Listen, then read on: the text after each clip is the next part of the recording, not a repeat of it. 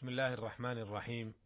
الحمد لله رب العالمين وأصلي وأسلم على أشرف الأنبياء والمرسلين نبينا محمد وعلى آله وأصحابه أجمعين والتابعين ومن تبعهم بإحسان إلى يوم الدين. أما بعد أيها المستمعون الكرام السلام عليكم ورحمة الله وبركاته. تحدثنا في الحلقة السابقة عما رواه الشيخان عن أبي هريرة رضي الله عنه أنه قال بعث رسول الله صلى الله عليه وسلم عمر على الصدقة فقيل منع ابن جميل وخالد بن الوليد والعباس عم النبي صلى الله عليه وسلم. فقال رسول الله صلى الله عليه وسلم ما ينقم ابن جميل إلا أن كان فقيرا فأغناه الله تعالى وأما خالد فإنكم تظلمون خالدا فقد احتبس أدراعه وأعتاده في سبيل الله. وأما العباس فهي علي ومثلها. ثم قال يا عمر أما علمت أن عم الرجل صنو أبيه؟ وقد عرفنا ما في هذا الحديث العظيم من فوائد وأحكام تتعلق بإخراج الزكاة. وفي هذه الحلقة نتحدث عما رواه الشيخان عن عبد الله بن مسعود رضي الله عنه أنه قال سمعت رسول الله صلى الله عليه وسلم يقول لا حسد إلا في اثنتين. رجل آتاه الله مالا فسلطه على هلكته في الحق ورجل آتاه الله حكمة فهو يقضي بها ويعلمها. هذا حديث عظيم يبحث في شيء من منهج المسلم في تعامله مع المال. جدير بالمسلم أن يقف معه متأملا ومطبقا. نقف مع معانيه وأحكامه وفوائده الوقفات الآتية. الوقفة الأولى. جاء في حديث عبد الله بن مسعود رضي الله عنه لا حسد إلا في اثنتين.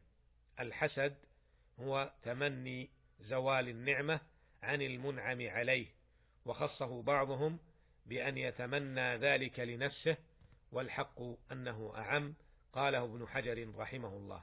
فالحسد إذن أن يتمنى الحاسد زوال نعمة الله عن العبد.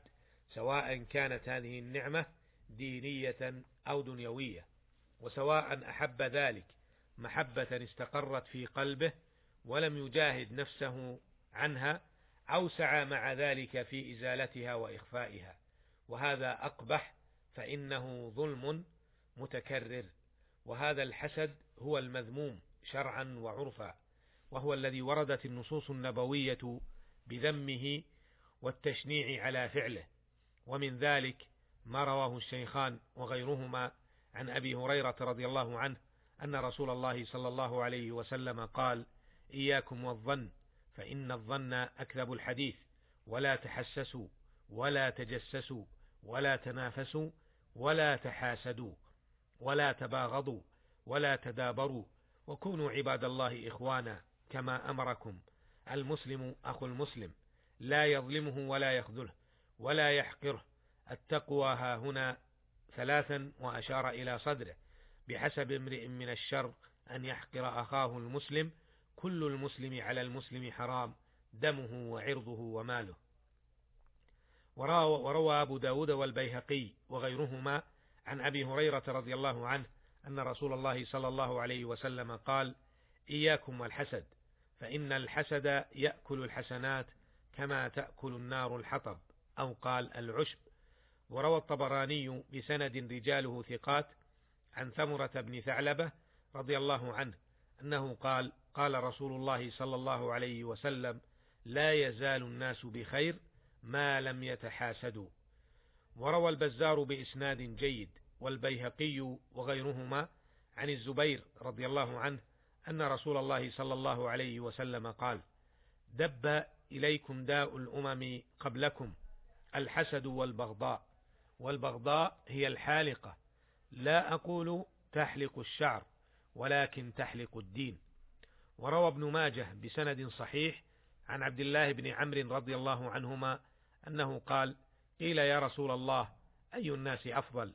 قال كل مخموم القلب صدوق اللسان.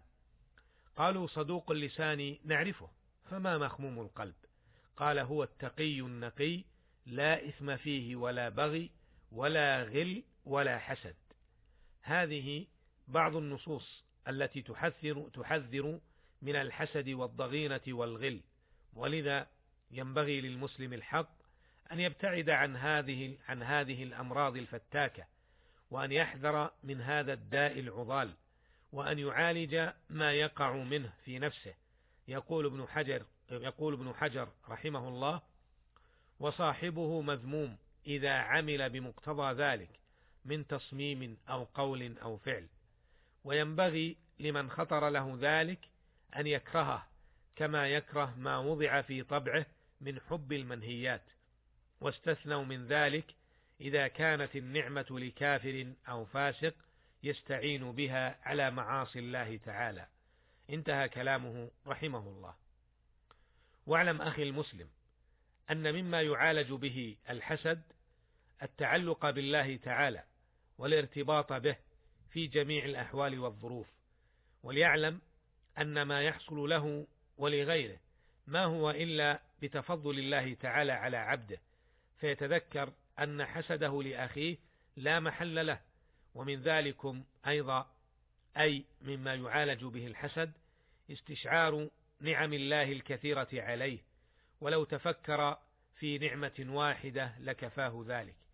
ومما يعين على ذلك أي على استشعار نعم الله تعالى على على نفسه أن ينظر إلى من هو أسفل منه في المال أو الجاه أو المنصب أو الصحة أو غيرها. كما جاء في الحديث الصحيح انظروا إلى من هو أسفل منكم ولا تنظروا إلى من هو فوقكم لأجل ألا تزدروا نعمة الله عليكم.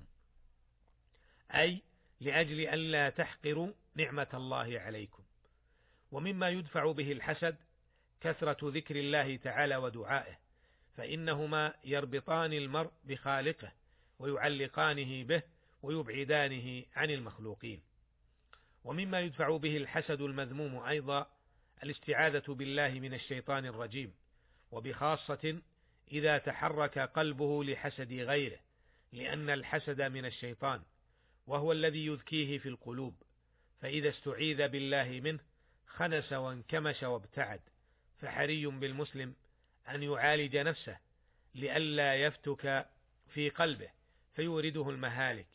فلا الشيء الذي حسد غيره به سيحصل له إلا إذا كان قد قدره الله تعالى له.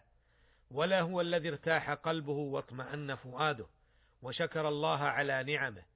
فنار الحسد تضطرم في قلبه وتتوقد في ضميره فتأكل حسناته وتمرضه وتزعجه وتقلق راحته وتعرضه للخواطر الشيطانية والأمراض النفسية أعاذني الله وإياكم من ذلك.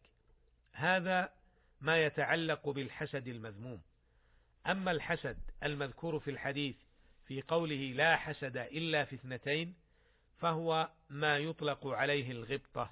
قال ابن حجر رحمه الله تعالى وأما الحسد المذكور في الحديث فهو الغبطة وأطلق الحسد عليها مجازا وهو أن يتمنى أن يكون له مثل ما لغيره من غير أن يزول عنه.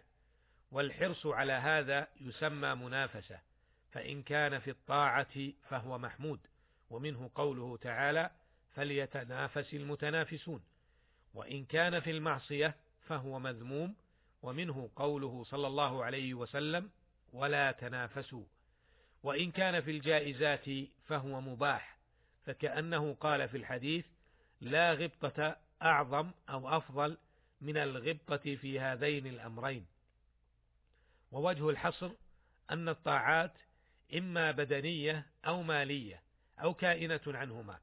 وقد أشار إلى البدنية بإتيان الحكمة والقضاء بها وتعليمها.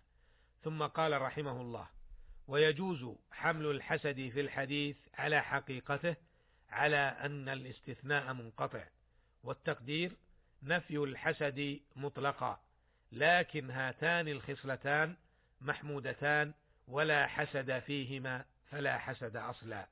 انتهى كلامه رحمه الله.